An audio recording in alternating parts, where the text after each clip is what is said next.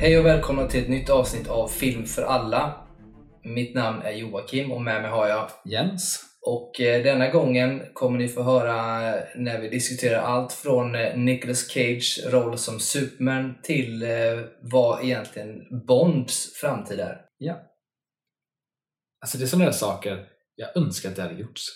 Det hade varit så jävla kul att bara se Nicolas Cage, Cage som som Superman. Superman, ja. Det hade varit svin kul att se. Ja, jag tänkte det kan ju vara lite intressant att diskutera om så här just filmer som, som inte blivit av, som man skulle vilja se. Ja. på något sätt. Och där är det ju verkligen, skulle man säga, att det finns ju verkligen två exempel. Dels så är det ju Michael Jacksons Spider-Man, den hade man ju verkligen velat se, tänker jag. Eh, sen är det ju då Nicolas Cage som Superman, med Tim Burton som regissör.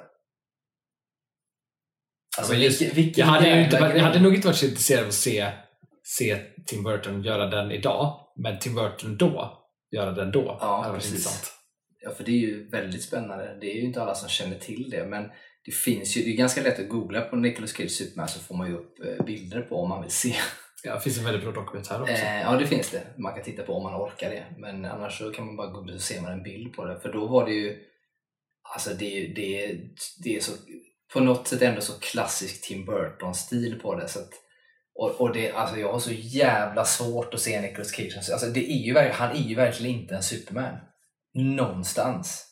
Han ser inte ut som en klassisk som Clark Kent. Han ser inte ut som en klassisk superhjälte egentligen. Inte ens när han spelar Ghost Rider, liksom, vilket han ändå gör helt okej. men, men Jag kan lite, jag kan lite så här, alltså köpa, eh, köpa det från tiden då de tänkte göra den. Eh, till fan alltså. För att alltså, bilden Nicolas Cage var inte densamma då. Alltså i, i den allmänna publiken. Eh, han var ju en actionhjälte då typ. Jo, det var han, men samtidigt så har han inte heller, han, han är ju inte, vad säger man, sådär, mm, vad ska man säga utan att ta hem, manligt snygg liksom. Han har inte Nej. det här, du vet, typiska Clark Kent eller kantiga ansiktet. Christopher Reevesigt liksom, det är ju det man tänker. Utan han, är, han är ju mycket mer vet, långsmal, han har de här, eh, liksom, han är, på den tiden hade han långt hår. Ja. Och skulle förmodligen, var det verkligen så, så skulle han ju haft det i Men det, är också, det var ju också, i- alltså det, var, det har de ju sagt också var eh, inspiration av serietidningen för samtidigt hade Superman sånt hår. Ja, ja, det var ju, alltså, jag vet att tanken var att de skulle göra på ett visst story arc där han skulle vara så. Han skulle också ha en, en dräkt som eventuellt var svart, var det inte så? Vilket han har haft nu med i och för sig. Ja, och även de, de, de testar ju massa De testar ju den här eh, typ eh, genomskinliga, Ja, lysande dräkten Ja, också. precis. Något sånt också. Det var lite olika varianter. Men, men oavsett var inte det med håret, för visste att det är långt hår. Men sen har han ju också, han har ju sina de här som heter vallonbågar på svenska, som jag också har. Ja. Du vet, som går upp här. Är väldigt tydliga sådana, Ja. att hårfästet dragit sig tillbaka. Det har ju inte Superman. Nu ska jag inte vara sån och vara för ytlig, men han är så lite Superman. Han Ja, har alltså, ju också ser en väldigt tydlig ser- han näsa. ser inte ut som Superman serietidningar överhuvudtaget. Men sen, jag, jag typ bryr mig aldrig om hur någon, hur någon ser ut. Alltså, jag kan göra det i, I tycker- relation till en karaktär på det sättet. Ja, det, det kan jag ju ändå göra, för jag tycker ändå att det liksom ska ändå porträtteras på, på något rimligt sätt. Jag menar, Henry Cavill är ju ändå en mer klassisk Superman på det. Eh, så jag tycker ju ändå att han, han på något sätt ändå passar i det. Eh, men Nicolas Cage har ju jag har så jävla... Men just därför hade jag velat se honom som Superman, för det är så jävla oväntat.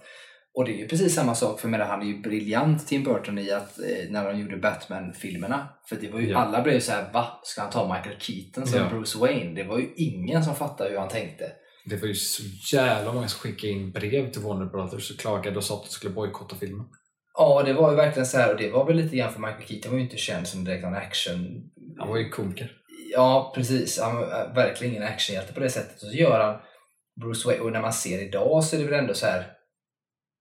Alltså, han är ju inte den, om man har spelat typ spel med Batman, typ Arkham-spelen som finns, om man vill spela dem, eller läst serietidningarna, eller kollat på Batman, eh, The Animated Series, eller vad som helst, så är ju Batman liksom, han är liksom stor, stark, liksom broody, svår på många sätt.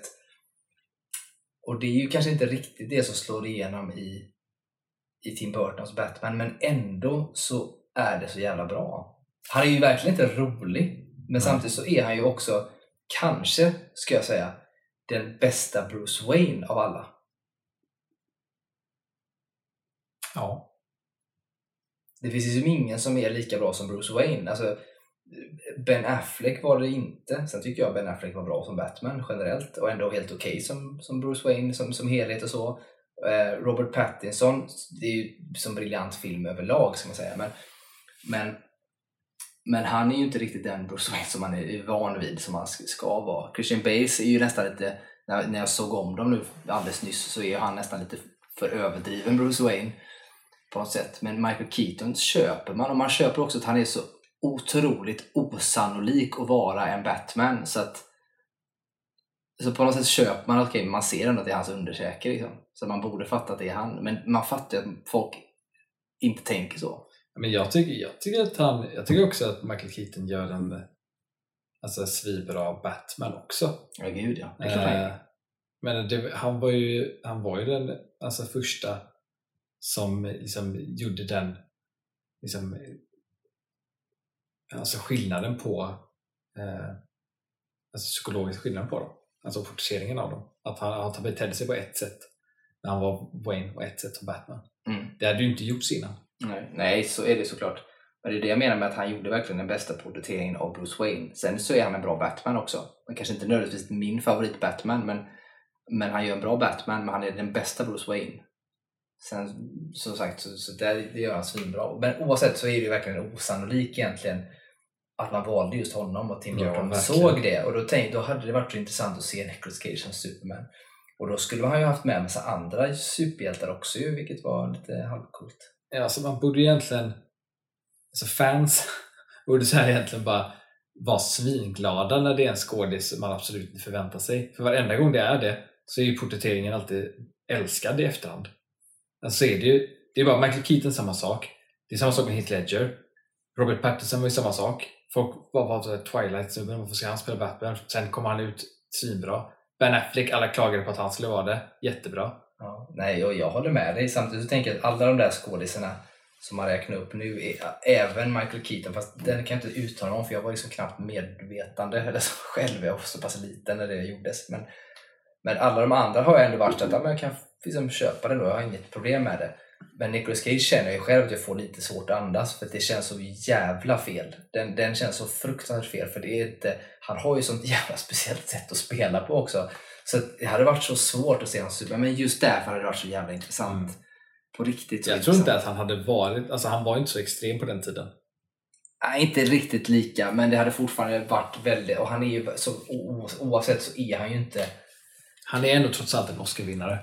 Ja, det är han. Han är en bra skådis. Ja, fast nu ska jag inte säga för mycket. Han, han, Okej, han- jag kan säga att han är en bra skådis till viss del. Sen så tycker jag generellt sett att han har absolut sina brister. Och Alltså- bara, för, bara för att man vinner Oscar betyder inte att man är alltid Nej. nödvändigtvis är bäst. Nej, nej, nej. Absolut inte. Men alltså, jag, jag, tycker, jag tycker Nicolas Cage, han är en, jag tycker han är svinduktig skådis.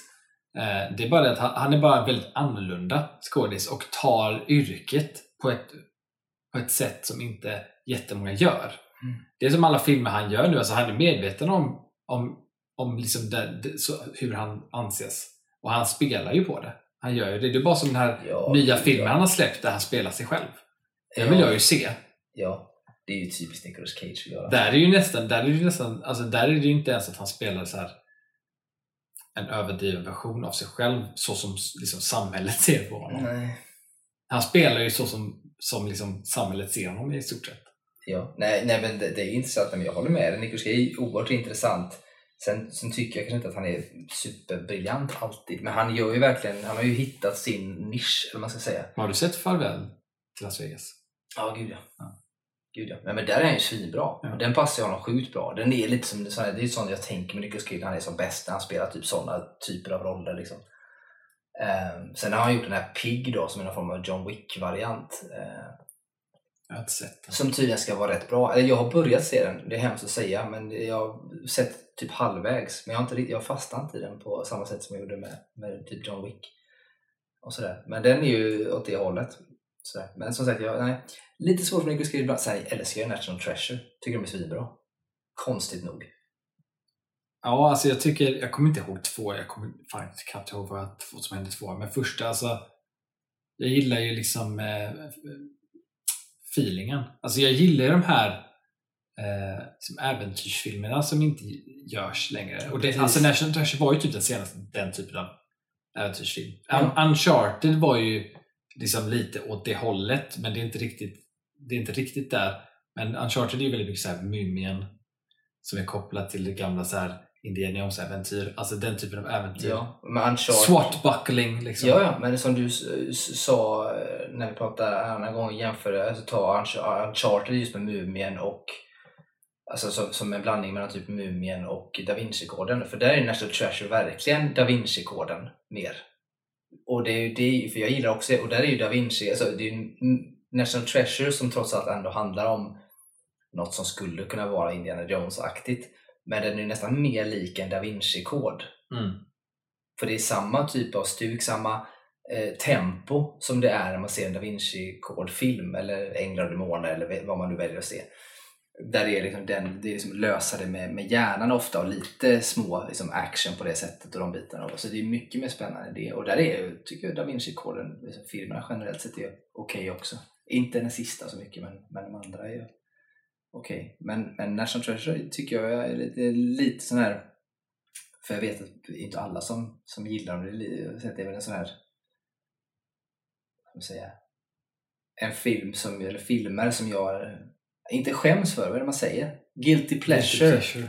Eh, man säger, lite sådär. För det är ju verkligen inte på något sätt en fantastisk film eller, och det är inte ens fantastiskt foto eller någonting. Det finns en sak som är fantastisk med filmerna, som är alltså rent fantastisk, och det är musiken. Det finns musik i den som är svinbra. Ehm, men sen är det, men jag tycker som sagt att de är bra. Det, går ju fortfarande rykten om att det ska göras en trea. det borde ju göras en trea, jag har också hört det länge. Och det känns ju som att man väldigt sällan, man, det är ju som, man har lite OCD, man har ju svårt att släppa, man är så tre känns som det är så naturligt liksom. Två, att göra två filmer känns som att det är för lite. Men med det sagt så ska jag också säga att man ska fan inte göra en trea om det blir krystat. För att ettan och tvåan känns så naturliga. Alltså de känns som att de, det, det, det är bra stories, det funkar. Och då har man berättat det man behöver berätta. Jag kom på något ytterligare, det vet jag fasen inte hur man, om man gör det på ett bra sätt. Ja, alltså undrar vad det är egentligen. Ja, det är väl för att man är så van vid typ en treaktstruktur och sånt där, men undrar varför man ändå så att det blev så himla populärt att just tre filmer är liksom standard. Mm. Gör man uppföljare så är det tre. Ja, och det är, det är ju ganska intressant för det är ju så. Det är oftast som National Treasure att man pratar om trean, man har gjort jättelänge för det känns så naturligt. Anledningen till att man gör det också att det känns så naturligt. Man gör att det är en trilogi. Alltid varit så ja, det är Back to the Future-trilogin, det är Indiana Jones-trilogin förr, inte nu. Men det intressanta är ju nu, och det har väl att göra med att alltså, vi i den åldern som var barn typ då har blivit vuxna och så vidare. Men det har ju blivit så jävla mycket vanligare att man gör alltså quadrologies, alltså fyra filmer istället. Ja, eftersom att man gör en till i efterhand. Ja, men även i lite nyare varianter har det blivit så. Att man tänker att man gör liksom nästan fyra eller kanske till och med fem filmer, serier direkt och sätter det istället för att tänka och låsa fast sig i trilogiberättandet. Och på gott och ont ska man säga. För det är ju, man kan ju nämna som exempel eh, Fantastic Beast-filmerna. skulle vara fem filmer från början. Ja, frågan är vad det blir. Ja, och det är precis frågan vad det blir. Och där är ju då saken att det finns ju olika sätt man kan eh, tänka och tycka Men är kring ju- dem, hur man ska göra. Men, men oavsett så är det så att hade man fokuserat på att göra tre så kanske man kunnat hålla storyn bättre. Och, och liksom Ja, göra någonting. kondensera det väl lite mer. Men eh, ja, alltså det är inte många filmer. Jag, jag kan inte tänka på så många filmer som skulle vara att, att de planerar eller planerat att göra fyra och det har släppts fyra eller fem. Det enda jag kan tänka på är Pirates-filmerna, men det är till och med, de hade ju liksom en, ett litet avbrott. Ja, så är det ju. Men du har ju John Wick till exempel som jag tänker på som är en sån.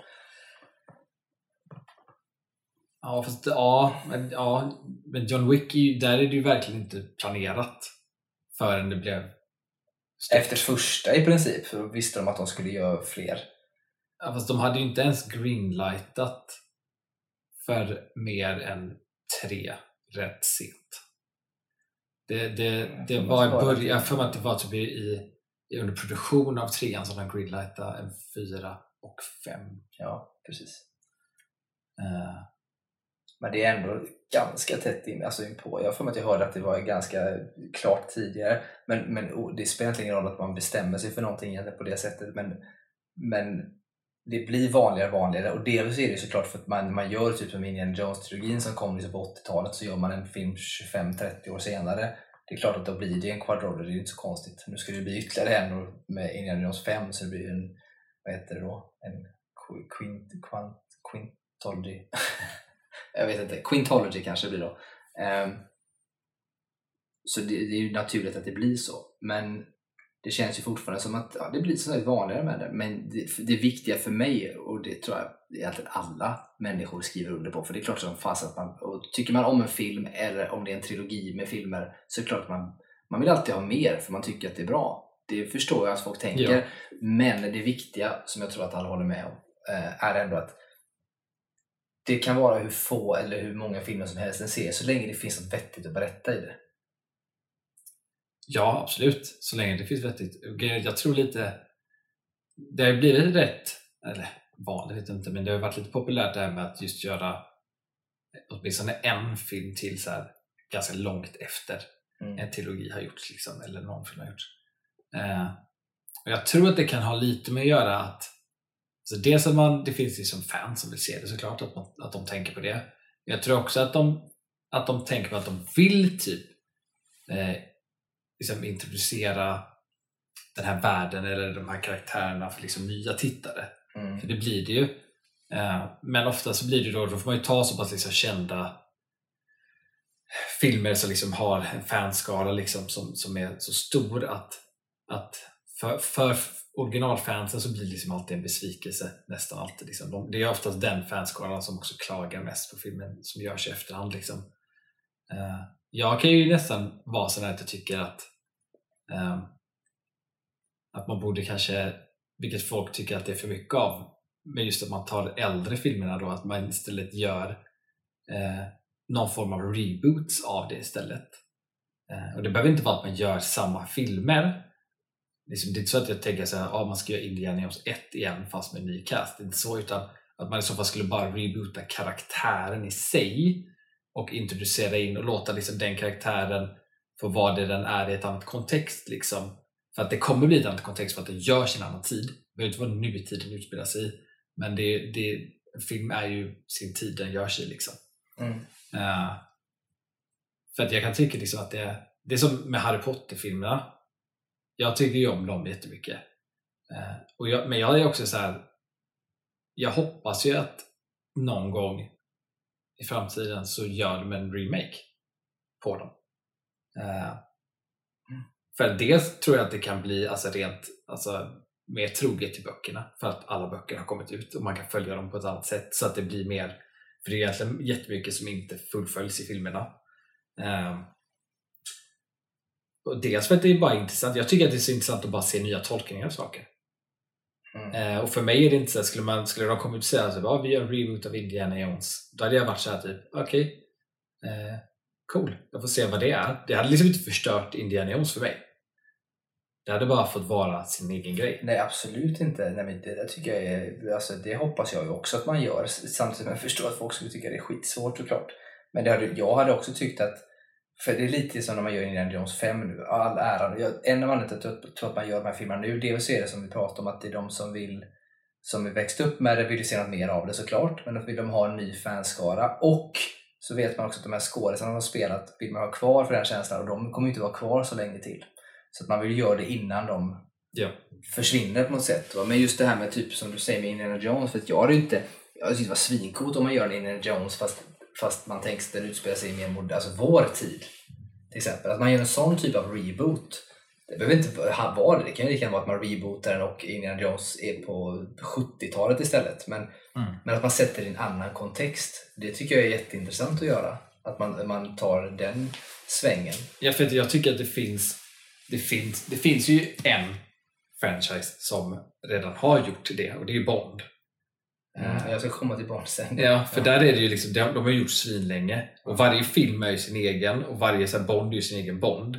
Men folk är ändå så här, folk har ju ändå på, av någon anledning under alla år accepterat att, att det är Bond. Men om man ska, om man ska titta på dem så är de ju liksom, det är ju olika karaktärer egentligen. För att skådespelaren gör sin egen grej. Mm. Eh, sen är det Bond för att det är en viss typ av genre och en viss typ av liksom, saker som är innehållet i Bond. Liksom. ja, det, där, ja, det där är jättespännande. Jag kom in på Bond alldeles strax för att jag hade andra saker att säga om Bond. Och där kan vi prata jättelänge, men vi ska komma till det. Men det finns ju en det finns ju några exempel på när de har, har rebootat en film sådär långt efteråt i en mer modern tappning för en ny publik. Så, och där, eh, får se, jag vet inte vad du tycker om den här riktigt. Jag vet knappt vad jag själv tycker om det, men det är ju Total Recall Mm. som gjordes med Arnold för liksom, det är ju 80, vad är det, 80, 90, 90 det är svängen där precis. Typ 90, är det 90, 90 den kom? 1990? Eller är det 80?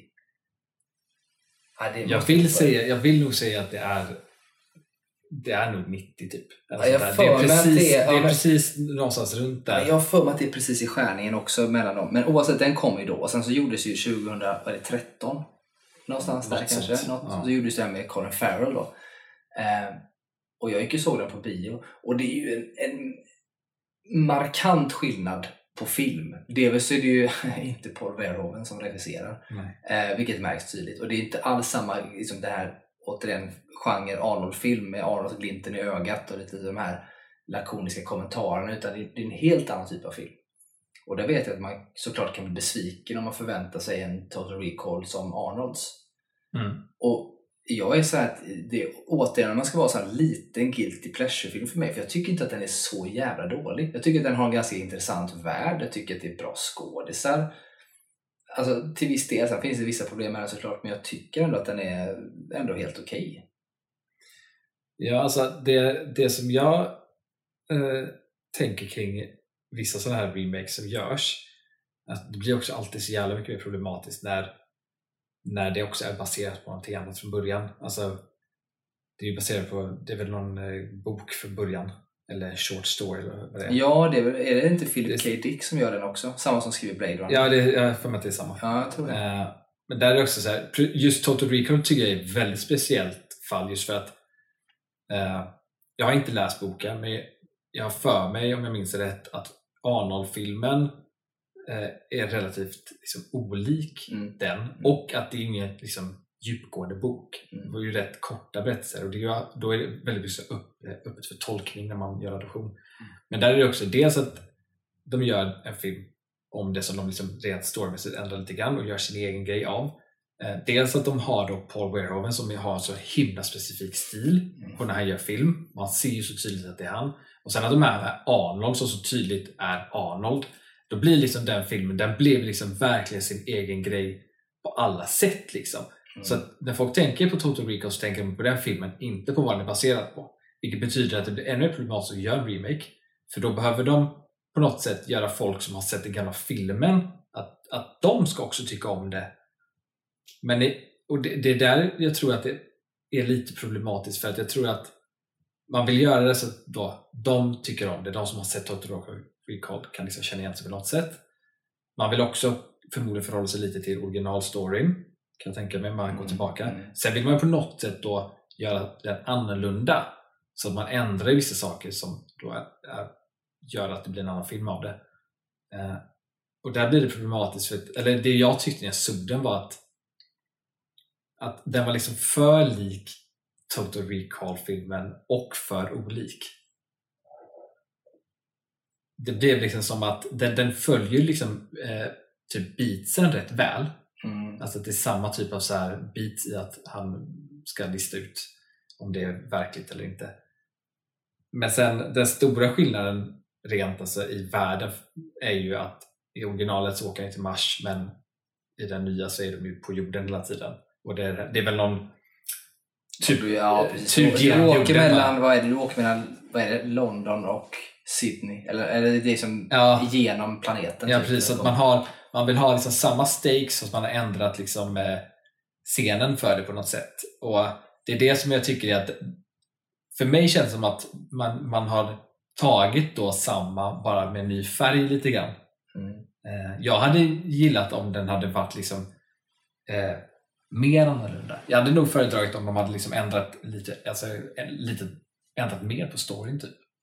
Kanske. Jag, jag förstår precis vad du menar. Jag har inte jätteproblem med det, men jag förstår precis vad Men du jag tror menar. att om Arnolds Recall inte fanns hade nog inte folk tyckt så illa om det nya Nej, som de gör. nej, det tror inte jag heller. Men Jag kan ju dock säga när jag såg det nya att jag, jag saknade ju marsbiten. Det gjorde jag. Ja.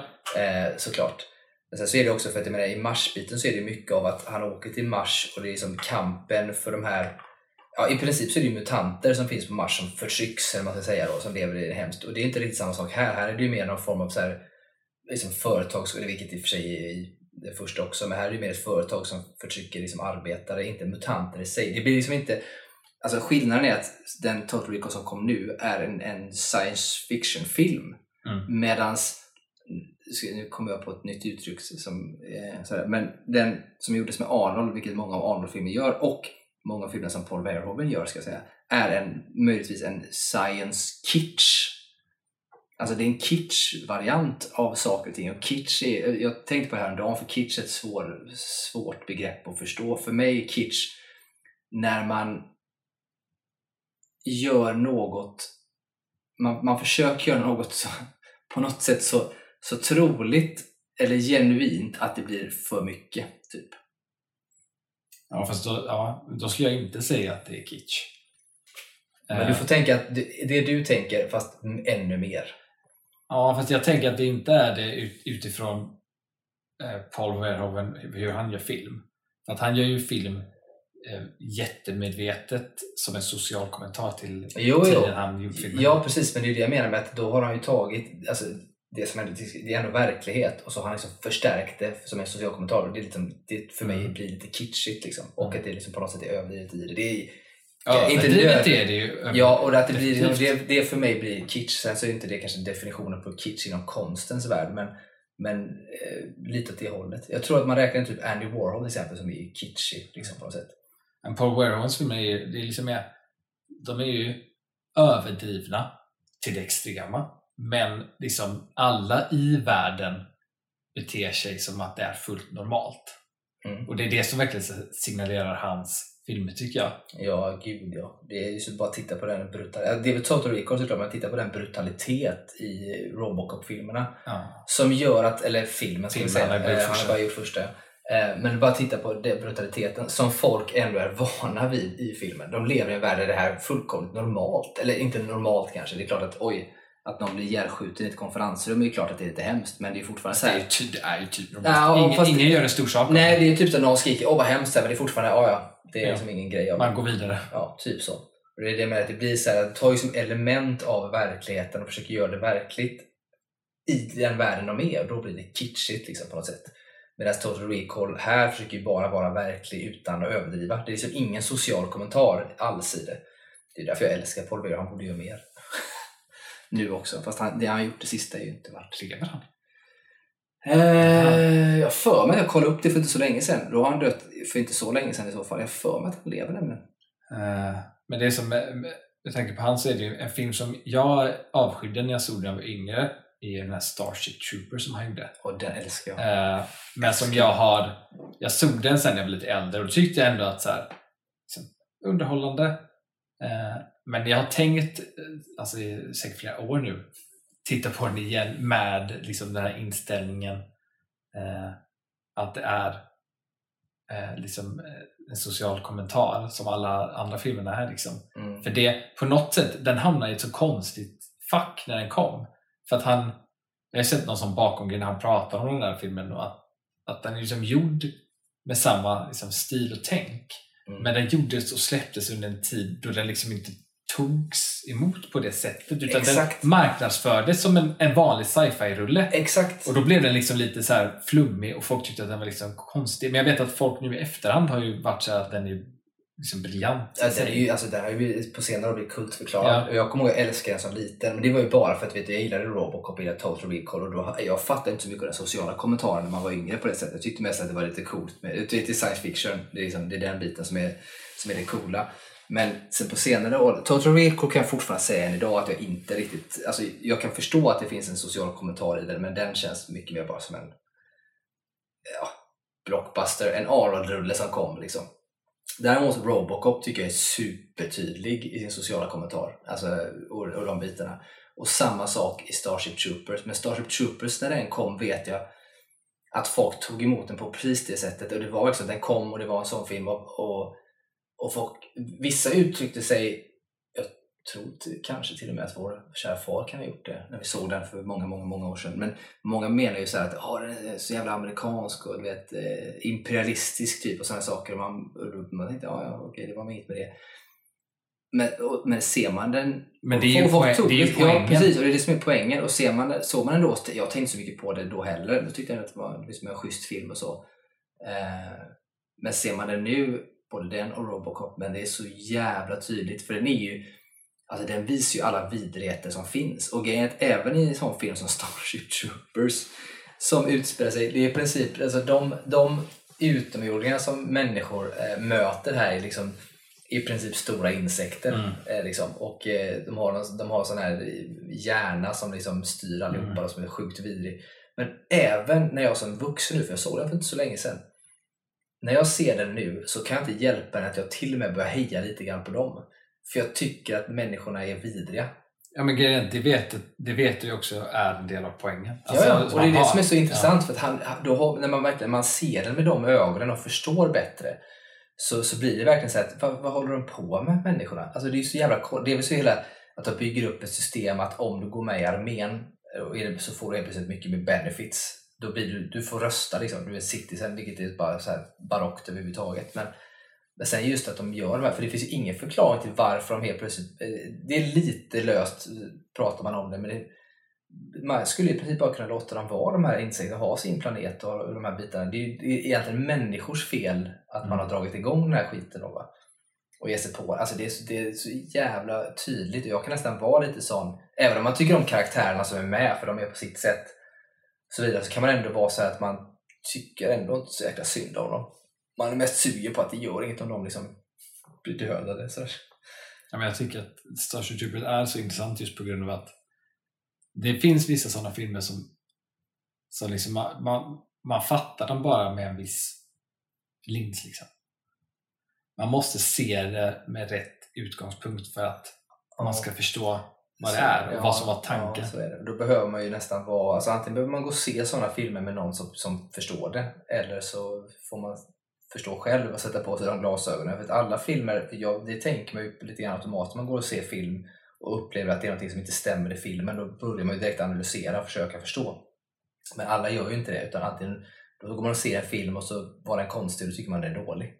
Men den kanske inte är dålig för att man inte ti- tänkt på rätt sätt liksom, i den. Ja, men det, det är ju svårt liksom just eftersom att, speciellt när det är filmer som liksom har liksom, vissa budskap eller har liksom ett, ett tema eller en stil eh, som liksom regissören har varit ute efter eh, som kanske nödvändigtvis då också bryter lite genre och sånt där. För att det är som, skulle du gå och se en skräckfilm med den här marknadsförs som en komedi så kommer du gå in och tycka att det var en svindålig komedi. Mm. Eh, och det blir liksom lite mer, det blir lite svårare för en att tyda när det är liksom det är en film som är en sci-fi film eh, marknadsförs som en sci-fi film men egentligen en social kommentar på amerikanska militären och amerikanska liksom.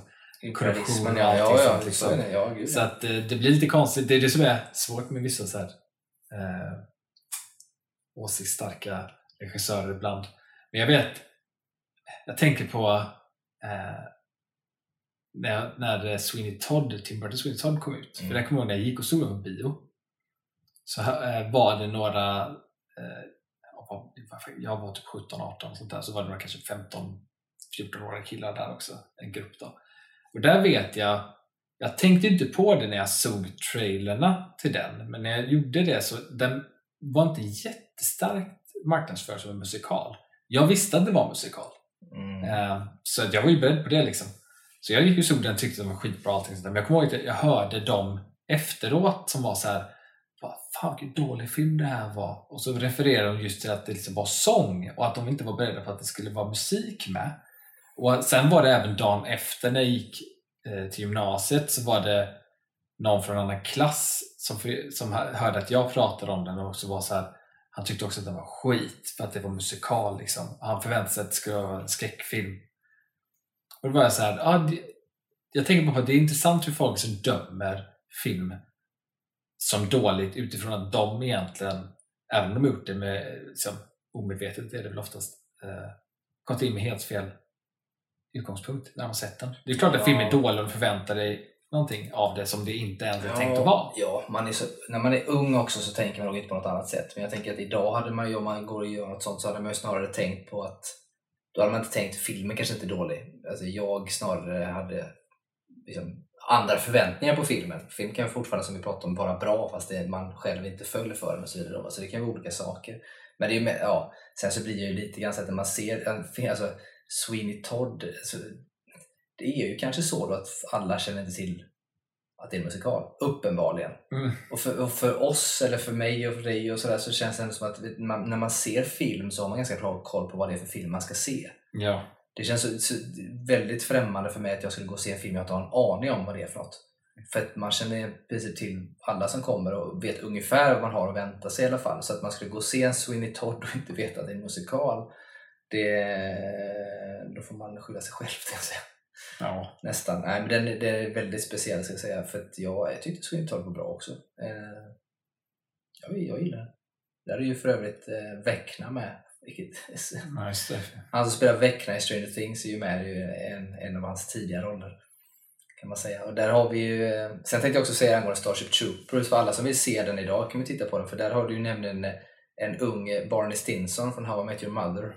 Eh, nu heter ju inte han Barney Stinson, skådisen heter ju, glöm alltid bort hans namn. Neil Patrick Harris. Just det, Neil Patrick Harris som spelar, han är ju superung där eh, och spelar eh, i den. Så den kan vara kul att se om man vill se en, väldigt ung Neil Patrick Harris. Jag vill bara koppla tillbaka till, till Bond som vi pratade om angående att reboota saker. Nu när Daniel Craigs Bond-ark är klart. Det är lite grann så här, vad kan man göra med Bond? För man har pratat allt om att, man, att Idris Elba skulle vara det, att man skulle ha en mörkhyad Bond. Liksom. Eh, och man har pratat om att man skulle ha en kvinna som Bond. Eh, och hur man skulle göra. Jag tycker ändå att Daniel Craigs, det är ju för att den är modern också, men jag tycker ändå att han har gjort det jävligt bra. Och det, just arket som de har följt med honom, när de bygger upp Bond som att han, vet, i första filmen så får han i princip sin double O-licens, rätt att döda. Liksom. Och sen att man bygger hela den biten och avslutar. Mm. Det har man aldrig gjort med en Bond innan. Nej. Eh, Alla andra Bond har man bara liksom kört på, så har man bytt ut skådisen och så har det varit verkligen till stor del stand filmer Sen när man läser på lite så förstår man att, det vi pratat om off-podd någon gång, så förstår man att vissa saker hör ihop. Alltså, för det är sådana saker, någon, någon grej som hände med Sean Connery liksom halvdiffust refereras eller kommer upp i en Roger Moore-film. Mm. Så det är ändå typ samma, men det är inte samma. Men där är ju återigen, jag är ju så konservativ i mig i att jag, alltså, när det kommer till Bond, att jag vill ju att Bond ska vara Bond som han är typ i böckerna så mycket det bara går egentligen och som man känner honom. Och det är ju ingen Bond som har varit det förutom möjligtvis Sean Connery liksom. Eh, Ja, men kna, knappt egentligen. Skulle du, skulle du, jag tror att skulle du göra Bond från böckerna så hade ju inte folk känt igen det. Bond är så himla typ diffus, men det är också så himla lång filmhistoria att liksom Bond är karaktär som jag, jag kan se att, att den kan vara egentligen vilken skådis som helst. Både man eller kvinna, mörkhyad, ljushyad, spelar liksom ingen större roll. Eh, för jag tror att Bond så mycket, speciellt efter man har gjort Daniel Craig-filmen också, eh, att Bond är det Bond är i den värld det utspelar sig i och det som är runt. Det är liksom spion thrillerfilmer Eh, action. Mm. Jag förstår precis vad du menar. Jag tycker också att det är ju en, en väsentlig poäng, för jag fattar ju också det. Och jag, jag skulle fortfarande gå och se det, även om det var liksom en, en kvinnlig Bond. Det är mest det att jag själv känner att varje gång det är samma sak när jag spelar tv-spel sådär, eller vad som helst, så känner jag att jag behöver ha någon, jag, jag är väldigt svårt för det, det är min brist. Jag kan inte, inte identifiera mig med en kvinnlig karaktär riktigt på det sättet. Så när jag ser en Bond vill jag ju tänka att jag kan vara Bond, liksom på något sätt. Så här. Eh, och det är ju en brist hos mig, karaktärsbrist hos mig. Men som sagt, Bond, eh, som jag skulle gå och se det även om det var en kvinna. Och återigen kanske mer intressant också, för det blir ju en... För det som gör Bond intressant filmiskt, inte bokmässigt nu för det är en annan sak, men det som gör Bond intressant i filmhistorien är ju snarare, som du sa, att Bond är alltid en, en reflektion av sitt nu, alltså nuet den befinner sig i. Ja. Och därför blir ju ändå att en, en kvinnlig Bond eller om det en mörkhyad Bond eller en, Bond från Pakistan eller, eller du vet, vad som helst egentligen. Fine. Alltså det, det kanske är, är dags för det liksom. Jag kan tänka mig att, att man kan se på Bond lite som eh, MCU har presenterat variants. Att varje Bond-skådis det, det är Bonds historia men att det är små skillnader från varje Bond. Ja, så man kan tänka så- sig att det är ja. olika universum av Bond men det är fortfarande Bond. Ja, nej, men så får man nog tänka lite grann tror jag. Eh, sen är det som sagt, det är alltid intressant att diskutera inte bara Bond utan när det kommer till sådana grejer överhuvudtaget. Vad är, vad är kärnan i en Bond? Mm. För sett till, sett till boken, sett till den första Bond som gjordes så är det ändå lite, lite mans, manschauvinist. Eh, dricker mycket, röker mycket, eh, sjukt liksom, eh, bra på att mörda, ganska känslokall. Alltså det är sådana, och det, de här sakerna är ju inte alltid, vi känner inte igen det jättemycket från, från senaste Bond. Om man, tänker, om man ska tänka så här, vad är Bond? Jag kan inte, jag kan inte svara på vad Bond är. Eh, och för mig, eftersom jag inte kan svara på vad Bond är, så spelar det liksom ingen roll. Och Nej. om man då skulle säga så här att ja, Bond behöver vara en man, till exempel säger man. Det är så här, varför behöver Bond vara en man? Man kan liksom ställa frågan om det också. Varför behöver han vara det? Mm. Nej, men, och så kan man absolut göra, men det är, jag tänker ändå att man förhåller sig till, det finns ändå ett källmaterial där det är så, och då är det den karaktären. Och det är lite, för Ja, just I vanliga fall med källmaterial skulle jag hålla- med om delvis, men Bond är så himla... Alltså, det har- det har blivit tagit en sån helt annan grej än källmaterialet. Ja, det har det. Fast det är ändå vissa bitar som är med som är så pass starkt kopplade till källmaterialet som han är och gör och sådär. Så att det är svårt tycker jag att man ska få hålla sig till källmaterialet och så göra någonting annat i så fall. Men spelar egentligen ingen roll. Det blir intressant att se vad de ska göra av det. Men det som hade varit det absolut mest intressanta för mig det är om de verkligen går tillbaka till kärnan. Det hade varit så jävla coolt att få se en sån riktig tolkning av Bond från dåtiden på något sätt. Det, det, det, hade varit, det är min största önskan att de kommer göra och det kommer de inte göra.